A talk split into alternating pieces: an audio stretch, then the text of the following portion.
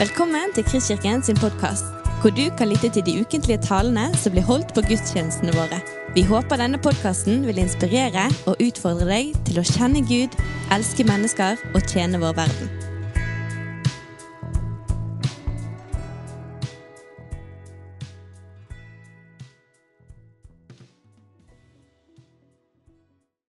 Jeg eh, ja, har fokusert på det som er dagens, dagens tekst og kontekst. Og eh, jeg syns det var litt vanskelig å på en måte se, velge tittel. Men eh, eh, jeg har eh, lagt ut også denne powerpointen, eller PDF, som en PDF da, på Kristkirken internt, sånn at de som eventuelt hører dette på, via podkast, de kan også følge med på, på de slidesene hvis de ønsker det. Men uh, den PDF-en har jeg kalt uh, 'Inspirasjon til et liv som er evangelieverdig'. For det er det som er tema i første uh, kapittel til, i Paulus til, til feserne. Får vi opp den powerpointen her, ja. Da går vi til dagens tekst. Jeg må bare si sånn innledningsvis at jeg står ikke her fordi at jeg lever et liv som er evangeliet verdig på den måten som jeg skulle ønske jeg gjorde det. Jeg står her fordi at uh, jeg ble spurt om å tale over denne teksten og har blitt utfordret av den. Men jeg tror òg at Gud kan bruke den som er villig og det, ja, det har vært eh, jobbet med denne teksten i en måneds tid, og vi håper, håper derfor at også det skal kunne komme liv ut av det som vi skal snakke om i dag, slik at det kan bli til inspirasjon. Vi skal eh, ja, gå både langt tilbake inn i tid, men også høre fra litt ulike steder i verden om mennesker som har erfart noe av det samme som Paulus skriver om her. Se bare til at dere Nå er det da oss det er snakk om. Fører et liv som er Kristi evangelium verdig. Enten jeg kommer og ser dere, eller er borte, så la meg få høre at dere står sammen i en ånd. Eh, jeg har lagt inn dette eh, eh, fast, fordi at i flere oversettelser så står det altså 'stå fast i en ånd'. I norsk oversettelse står det 'stå sammen i en ånd'. Og kjemper med ett sinn for troen på evangeliet. Og ikke på noen måte lar dere skremme av motstanderne. Dette er et tegn fra Gud, et tegn som varsler fortapelse for dem, men frelse for oss. For Kristi skyld fikk dere den nåde ikke bare å tro på ham, men også å lide for ham dere står i den samme kampen som dere før har sett meg kjempe, og nå hører dere at jeg fremdeles står i den. Her er det altså Paulus som, eh, som skriver til menigheten som var samlet i Filippi. Um, og da eh, er det en del ting her som jeg syns det er verdt å stoppe litt opp ved. Det ene her det er at, som jeg har markert her, det er å stå fast det kommer av altså et gresk ord som Paulus bruker, som heter fallax. Um, og det er, et, eh, det er, et, veldig sterkt bilde, egentlig, um, som uh, best kan illustreres på denne måten. Det er altså en, en, en formasjon som uh, greske med, med, si, militære styrker brukte i mange århundrer og som var nærmest uovervinnelig. Da sto eh, de altså eh, etter hverandre, tett i tett. altså for, for Første rekken sto helt tett inntil hverandre med full rustning. Og de hadde, alle hadde da lange spyd, og så sto de da bakom i åtte, rek åtte rekker for å kunne da bevege seg framover som én enhet. Eh, dere har sikkert hørt om om den såkalte altså den romerske Dette er en gresk, formasjon, eller gresk måte å, å tenke, tenke, militært på. Mens romerne de utviklet et annen strategi, og det var å bruke skjoldene nærmest som et, et skilpaddedeksel. Eh, men ulempen med den måten som romerne gjorde det på, som, eh, med skilpaddemetoden, der skjoldene på en måte var helt foran de og over de og bak de og på siden på de som da skulle flytte, flytte seg, at det, det, går så utrolig tregt. Mens den måten her, som, som er en sånn fallanaksformasjon, den kunne bevege seg framover. Og hvis noen falt, så kunne de fortsatt holde tett og bevege seg framover og rett og slett innta fienden sitt landområdene uten at fienden kunne stoppe dem. Dette var den, på seg, uh, både den, den, greske og den romerske måten å, å, å de tenker militærstrategi er jo ikke så god lenger når de begynte med kanoner og med skytevåpen, men uh, den tiden der det kun var håndvåpen, så var det nesten umulig å, og stå imot. Så dette er det bildet som Paulus bruker når han da snakker om den kampen som han står i, og som også Guds menighet har stått i siden han skrev dette. Det er Ja. Jeg vet ikke om dere så, så avisen eh, dagen nå i denne uken. Eh, det var bl.a. bilder av eh, en av kirkeundervisningsminister som da sier at de kan ikke gå i god for at Gideon skal få komme inn i skoler og dele ut Nyttestementer til barn i barneskolen. Det er for farlig. Så kommer det da fram at kanskje er det slik at hvis de vil gi denne gaven til skolen, så kan skolen dele den ut. Men eh, de kan ikke slippe inn kristne som skal dele ut bibler. For det er, det er forkynnelse, det er misjonering, og det kan vi ikke ha i den norske skolen. Selv om den utgangspunktet har en kristen formålsparagraf. Eh, en annen ting som uh, Så kan vi gå tilbake igjen. Et annet ord som, uh, som, også er verdt å merke seg, det er det ordet for um, For å Eller la det, ikke, ikke la dere skremme av motstanderne. Det ordet for å skremme, det, det, det beskriver altså en, en, en flokk med villhester som blir skremt om, skremt opp, og som da flykter helt uten kan si, å tenke verken på hvor de skal eller hvor de, hvor de skal, skal, springe. At det blir på en måte en stampide. altså det samme skjer med, med, for eh, med en stor flokk med, med kveg. Hvis de blir skremt opp så, så, eh, og de kommer, i, de kommer, i, flukt, så tramper de ned alt. Står du i veien da, så er du død. Eh, men det Paulus her sier, er at vi skal, vi skal ikke ha den frykten som er så lammende, og som på en måte gjør at vi flykter hals over hode.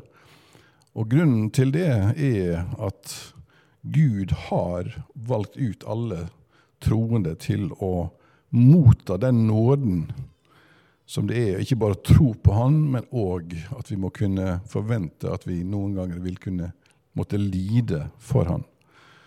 Og Vi i Norge vi er lite kjent med det.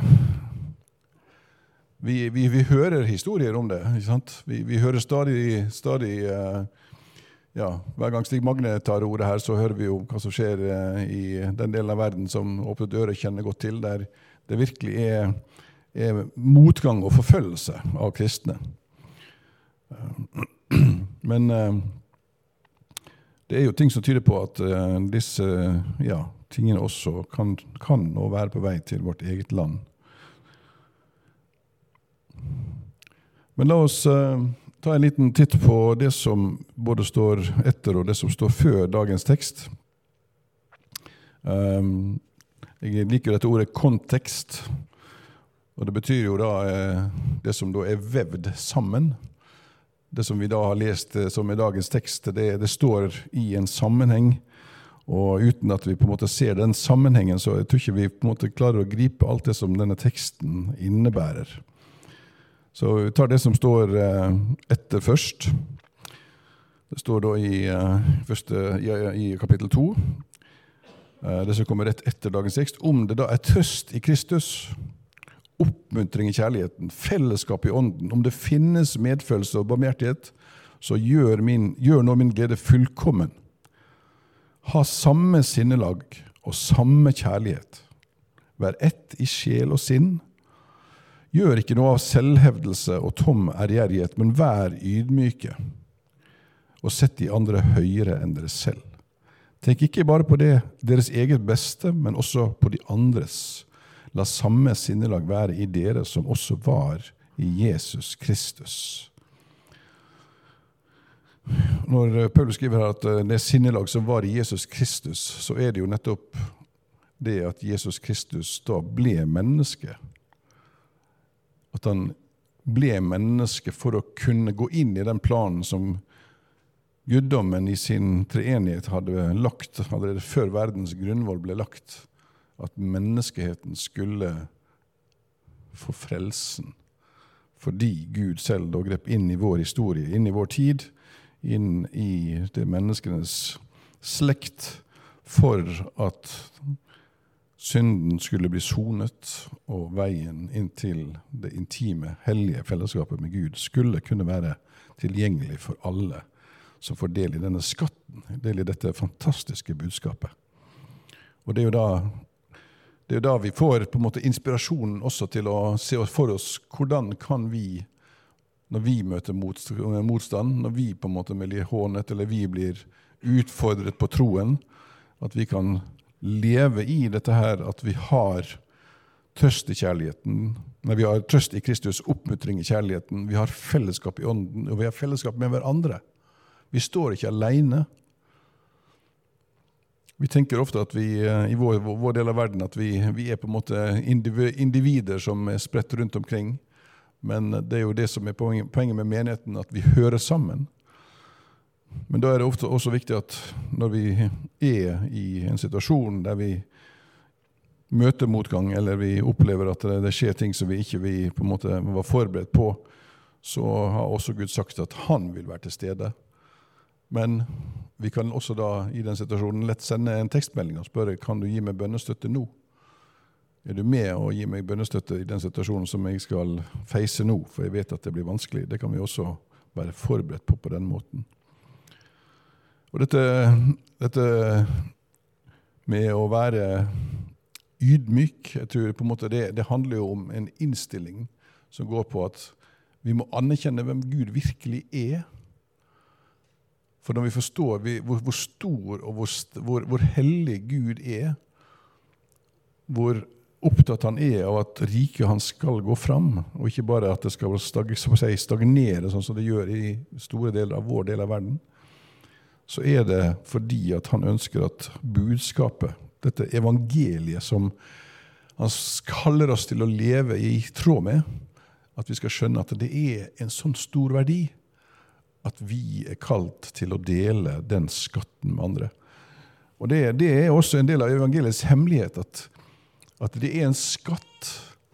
Men hvis vi har den kun for oss sjøl, er det akkurat som den på en måte ikke får gjøre det som en skatt skal gjøre, nemlig det å, å kunne gi noe til det som kan skape noe nytt. Uh, og da, da, da, tenker jeg at Skatten, skatten i evangeliet den, den er sånn at jo mer den blir delt, jo større blir den. Og Det, det syns jeg er et fantastisk perspektiv. At vi, eh, vi, kommer inn i en tradisjon når vi begynner å på en måte tenke at vi skal dele troen vår og dele evangeliet med mennesker rundt oss. Så, eh, så er det sånn at Gud på en måte ikke vil, bli, vil, vil på en måte la oss gå alene, men vi også kan da stå i en tradisjon som går helt tilbake til Jesus Kristus selv. For det er ingen som har møtt mer motgang, det er ingen som har møtt større lidelse enn han som menneske. Og han fullførte det helt uten at han brukte onde ord eller tok igjen mot de som, de som eh, pinte han og plaget han og tok livet av han. Men vi vet at det stoppet ikke der. Og Jesus han døde og sto opp igjen. Det er det som på en måte er håpet. Det er det som på en måte gir oss perspektivet på at vi står ikke i, bare i en liten tid der vi skal leve et liv så og så mange år her på jorden, med eller uten god helse, med eller uten familie. det er med eller uten, uten, jobb, eller uten at det skal gå lykkes sånn som på en måte det forventes at vi skal liksom lykkes i vår del av verden. Men Gud er, Gud er til stede. Hvis vi går videre til det som står rett før dagens tekst, så står det noen fantastiske vers der Paulus beskriver på en måte perspektivet på, på hans liv, og som også er retningsgivende for, for, for oss. Han sier, 'Min lengsel og mitt håp er at jeg ikke skal bli til skamme i noe'. Og det, det er et håp og en lengsel som også, også vi og jeg kan få dele. Men at Kristus nå som alltid skal bli opphøyd for alles øyne ved min kropp, skriver han. Altså ved det livet han lever i det fysiske. Enten jeg skal leve eller dø. Og så sier han det som er så kjent. Å leve er for meg Kristus, og å dø er en vinning. Altså det, det, det, er bare to gode ting. Altså Døden er ikke for han en, en, en, det som er slutten, eller det er det som er tapet, men det er rett og slett en vinning. Og Så sier han da at hvis jeg får bli i live, kan jeg gjøre et arbeid som bærer frukt. Og Da vet jeg ikke hva jeg skal velge. Jeg kjenner meg trukket til begge sider. Jeg lengter etter å bytte opp og være sammen med Kristus, for det er så mye, mye bedre. Han har fått sett i den syvende himmel, skriver han. Han har sett hvordan, eh, hvordan himmelen ser ut, og han vet at når evigheten tar til, og dette livet på denne jorden er slutt, når tidsregningen er omme, så begynner også det en tidsregning, en ny tid, som er fra evighet av, der vi som har fått del i evangeliet, skal få lov til å leve med Gud uten alle de begrensningene som vi opplever mens vi er syndige mennesker her på jorden. En liten, liten apropos. Eh, dere har sett, sett eh, disse plakatene som, eh, som, dukker opp stadig vekk når det er klimamøter og store, store møter for, for, verdensledere. Det er alltid noen som demonstrerer for klima. Og da skriver de uh, 'There is no planet, planet B'. Men det er faktisk ikke sant. Altså, Denne kloden vi er på, det er, det er, det er plan A. Men Gud har sagt at uh, han skal skape en ny himmel og en ny jord. Og Det er sånn sett ikke plan B, det er en del av plan A. Men saken er at hvis en tenker på det budskapet som kommer fra de som er ja, veldig ihuga til å kjempe for at vi skal verne eh, jorden og verne klimaet og gjøre tiltak som, som gjør at kloden ikke skal bli så varm som de frykter, så er det lite rom for Gud sine tanker i det som kommer fram der. For det første så skaper det frykt. Det er det motsatte av det som Guds evangelium skaper. Det er ikke noe håp i det. For det Ja. Vi snakket mye om svovelpredikanter før i gamle dager i, i, vårt land, og det finnes jo fortsatt noen av de på, som du kanskje også, kan se på internett. Men uh, jeg tror at uh, noe av det budskapet som vi får fra disse som, som, sier at vi må, vi må, gjøre noe med klimaet, det er ganske dommedagspreget. Men det er helt uten Gud, helt uten håp, helt uten det som er evangeliets fantastiske perspektiv. Um, og da er det slik at Hvis vi ser på historien, så, så er det faktisk slik at um, Det er slik at uh, riket faktisk ser ut til å ha større fremgang når det er motgang, enn når det er medgang. Jeg har jo sjøl vokst opp i, i Etiopia, iallfall åtte av mine første tolv år. Og jeg husker jo før vi ble sendt hjem fra Etiopia i 1977, at da var den store forfølgelsen mot kristne satt i gang fra de kommunistiske myndighetene i landet. Den røde terror varte fra 1977 til 1979 um, og var rettet spesielt imot kristne. Men du verden som den kristne kirke i Etiopia begynte å vokse da. Og I dag så er det rett og slett vokst fram til å bli den største lutherske, lutherske evangeliske kirke i verden.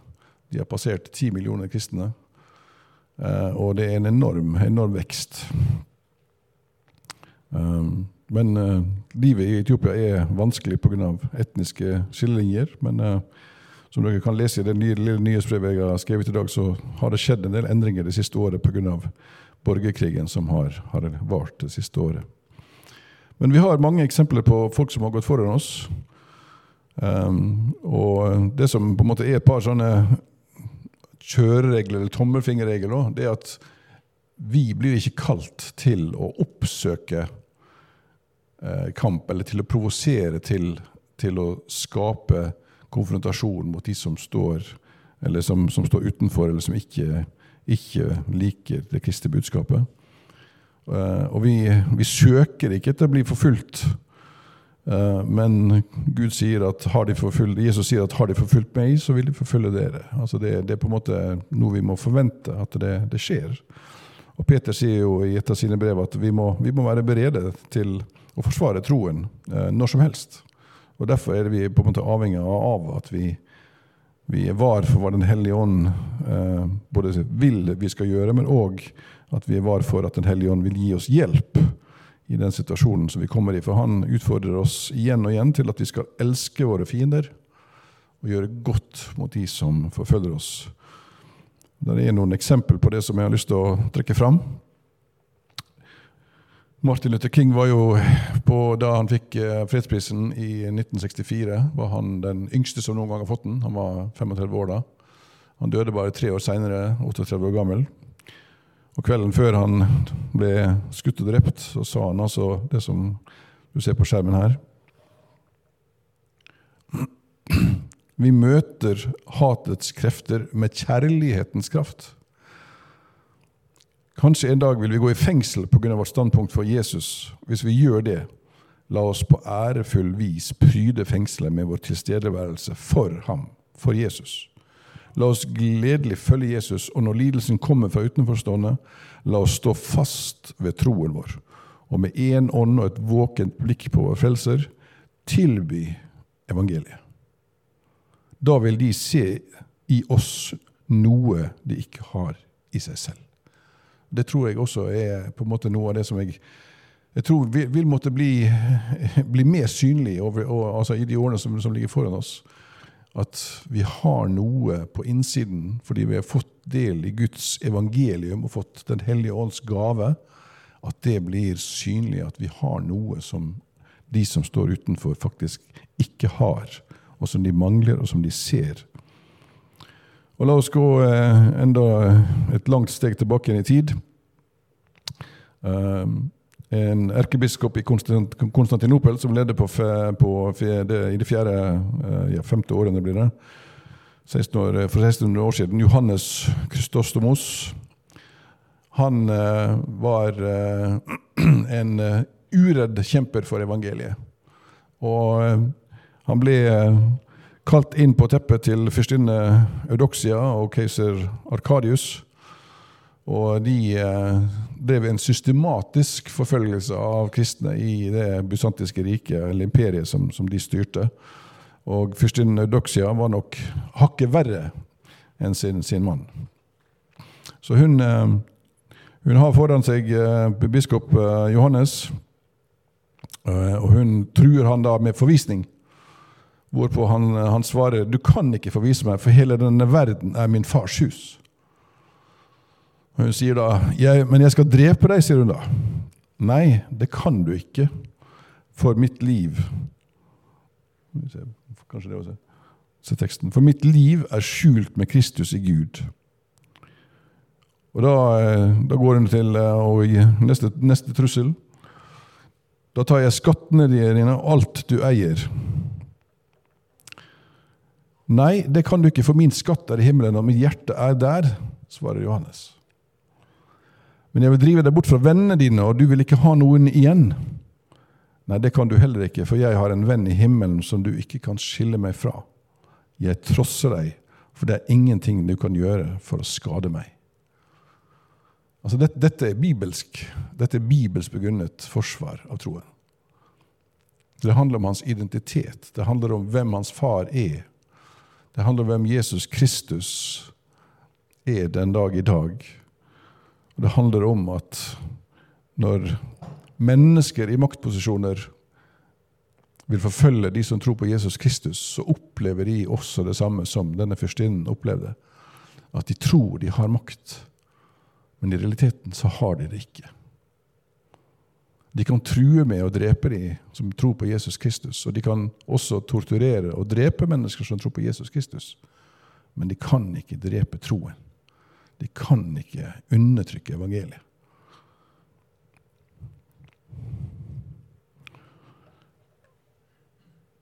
Så jeg har lyst til å bare fortelle tre forskjellige episoder. Og ja, dette, disse, tre, disse, tre, stedene som jeg skal ta dere med på nå, de er alle kvinner som har eh, stått i en situasjon der de har blitt kalt til regnskap for sin tro.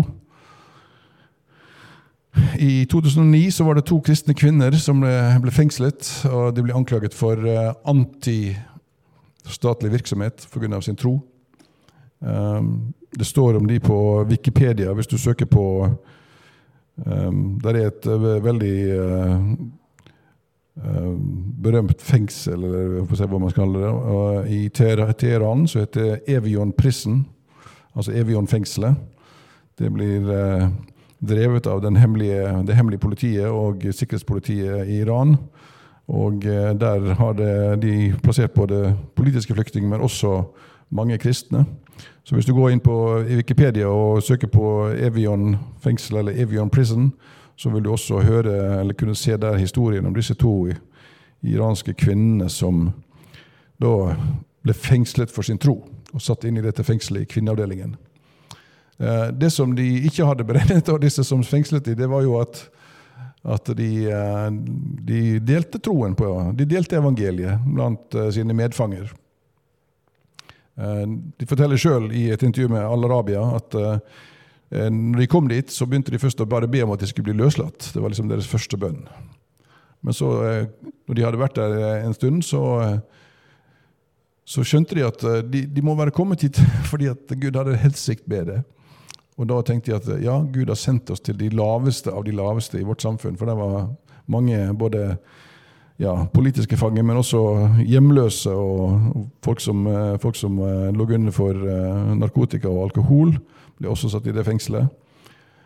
Så de, de fikk rett og slett begynne å, å forkynne evangeliet, og gjorde det med stor frimodighet. Og fangevokterne de, de ble rasende. Fordi at de, de, de talte strengt til dem for å få dem til å slutte, slutte med å dele evangeliet. Men eh, de, tenkte som så at eh, de kan jo ikke gjøre noe mer. De har jo satt oss i fengsel. Det er tryggere for oss her enn ute på gaten i Teheran. Og så forteller de òg at noen, av, noen av, inne, av, fangene i dette fengselet de begynte jo å kalle de for, for skitne kristne. Det var liksom det de ble stemplet som til, til å begynne med. Men etter hvert som, som de ble truet, og de ble også ja, når de, når de ble syke, så var det sånn at eh, de ble jo da sendt overført til, til le, le, den delen av fengselet der de hadde legetilsyn og, og, kunne gi medisinsk hjelp. Men legene de hadde fått streng instruksjon at de kristne de skulle ikke få noe medisinsk hjelp. Så det første de ble spurt om av legen når de tenkte medisinsk behandling, fordi de ble jo syke i fengselet der, det var hva er dere er anklaget for? Og de var jo da anklaget for anti, antistatlig virksomhet. Eh, og da skjønte de jo fort med en gang at eh, de drev med å forkynne evangeliet. Og da ble de nektet de ble nektet helsehjelp. De ble nektet medisinsk hjelp. Så de måtte bare tilbake til, eh, til cellene sine og ja, uten, uten noe medisiner for å, å hjelpe av de, de sykdommene som de fikk der. De ble i fengselet i 259 dager. Og eh, Det som skjedde i eh, både kvinneavdelingen, men også i mannsavdelingen i fengselet, der, det var at eh, alle hørte om disse to kvinnene. Som nektet å si fra seg troen, og som forkynte frimodig. Og En av de siste kveldene før de ble løslatt, så kom faktisk en av de kvinnelige fannevokterne inn til en av disse to damene og sier Vil du be for meg? Jeg og min mann har vanskelig for å få barn. Men hvis du ber for meg, så vil det problemet bli løst. For jeg tror at dine bønner til Jesus kan hjelpe meg.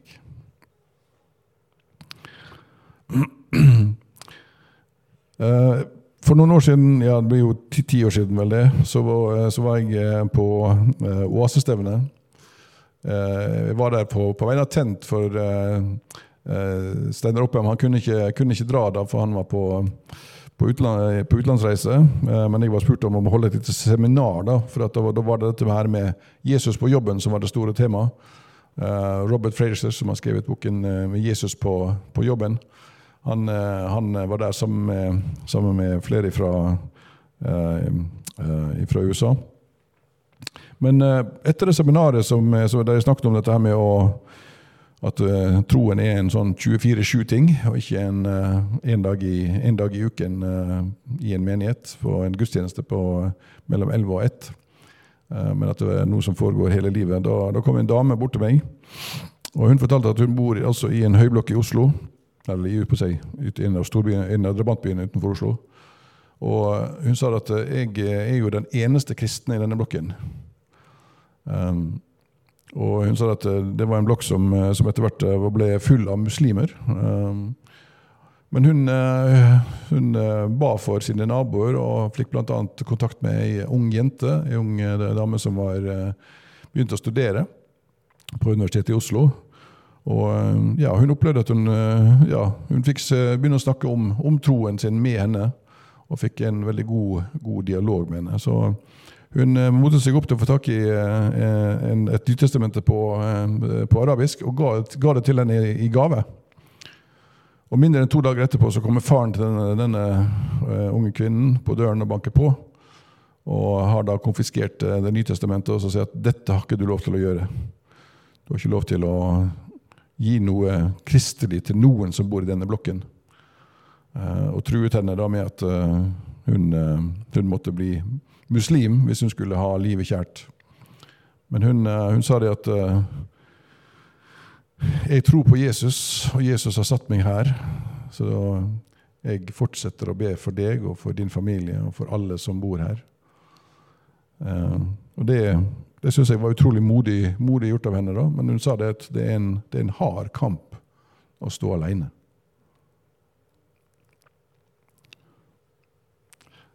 Det siste, siste, eksempelet jeg har lyst til å trekke fram, det er eh, min, faktisk min, min, tante Bjørg.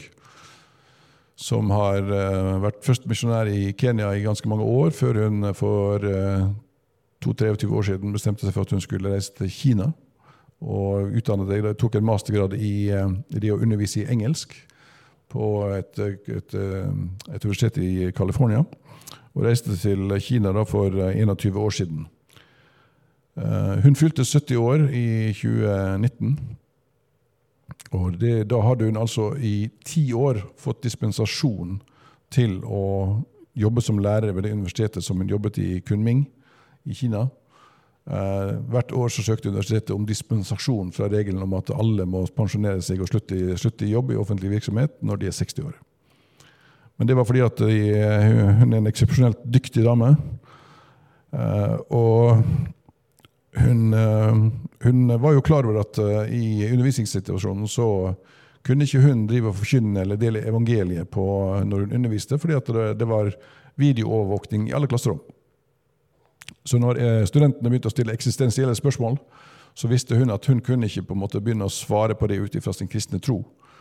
Så at hun, hun da, da, sparket hun ballen tilbake igjen til de, til, til de og spurte ja, hva mener dere om dette spørsmålet som en av studentene stilte.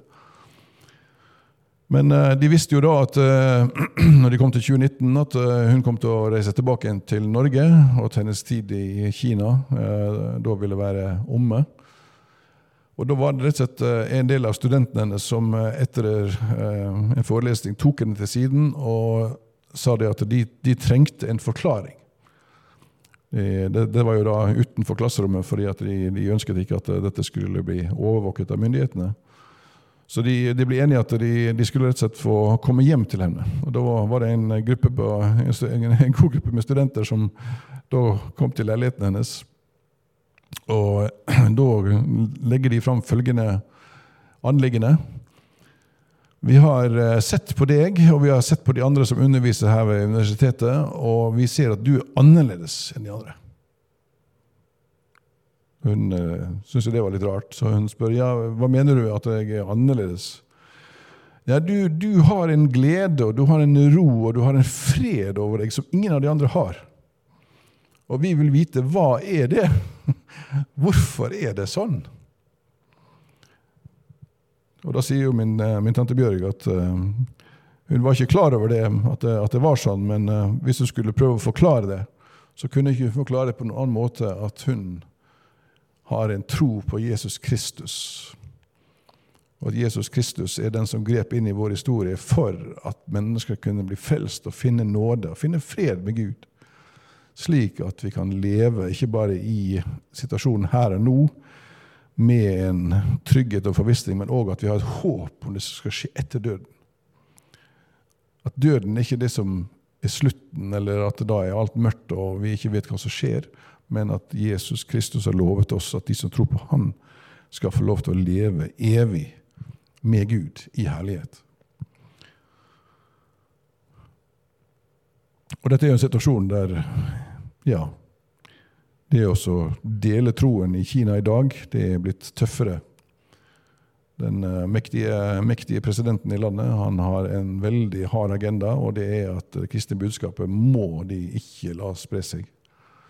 Men uh, evangeliet sprer seg, det går fram i, med voldsom kraft i Kina. Jo hardere de trykker for å undertrykke det, jo mer blir dette budskapet forkynt. Sånn er det i Iran. Iran er kanskje det stedet i verden der evangeliet spres raskest og med størst kraft. For jo hardere de muslimske si, teknokratene eller si, eh, autoritetene prøver å undertrykke kristen tro, jo sterkere blir evangeliets kraft. For de som ikke da vil forlate troen og ikke vil benekte Jesus til Jesus Kristus eh, under trusler fra myndigheter, de eh, de uh, møter respekt. Og når det skjer med visdom, og når det skjer i kjærlighet, når det skjer i ydmykhet, så er det ingen som har makt over de kristne, de kristne når de vil forfølge dem. De kan ta livet av dem, de kan torturere dem, de kan plage dem. Men innstillingen til den delen av verden der det skjer kristen forfølgelse, det er ikke at de ber vestlige kristne om å om å be dem om at forfølgelsen skal ta slutt, men de ber om at ikke de skal bli likegyldige og bli grepet av materialismen. Det er det de ber om. Så la oss da avslutte med denne teksten som, eh, som kommer da i, videre i andre kapittel av Filippe-brevet, der vi ser på en måte perspektivene fra vår verden og helt inn i Guds evige rike. Han var, Jesus var i Guds skikkelse og så det ikke som et rov å være Gud lik, men ga avkall på sitt eget. Tok på seg tjenerskikkelse og ble mennesker lik. Da han sto fram som menneske, fornedret han seg selv og ble lydig til døden, ja, den forferdelige døden på korset. Derfor har også Gud opphøyd ham til det høyeste og gitt ham navnet over alle navn. Og som vi også hørte under lovsangen, i Jesu navn så skjer det utrolige ting. Derfor skal hvert kne bøye seg i himmelen, på jorden og selv under jorden, og hver tunge skal bekjenne at Jesus Kristus er Herre, til Gud Faders ære. Det handler ikke sånn sett om vår prestasjon. Det handler ikke om hva vi kan klare å yte under motgang eller under forfølgelse. Men det handler om vår, vårt blikk på Jesus. At vi ønsker å ære Han. Og så har Han nok kalt oss til å være med og leve et liv som er evangeliet verdig. Og Det innebærer jo at vi som enkeltmennesker, men òg som menighet, at vi begynner å se etter de menneskene som kjenner dette behovet for evangeliet. For det er det evangeliet som setter fri. Det er Jesu navn som forandrer menneskers liv. Det er Jesus Kristus som er herre over liv og død. Og vi er kalt til å leve til hans ære. Å leve slik at evangeliet bærer frukt. At Guds rike har fremgang. Gud er ikke avhengig av oss, men likevel så sier han ta med evangeliet ut og bring fred til mennesker. Du har lyttet til en podkast fra Kristkirken i Bergen. Vi håper du har blitt inspirert og utfordret i din vandring med Gud. Vil du vite mer om oss, så klikk deg inn på kristkirken.no.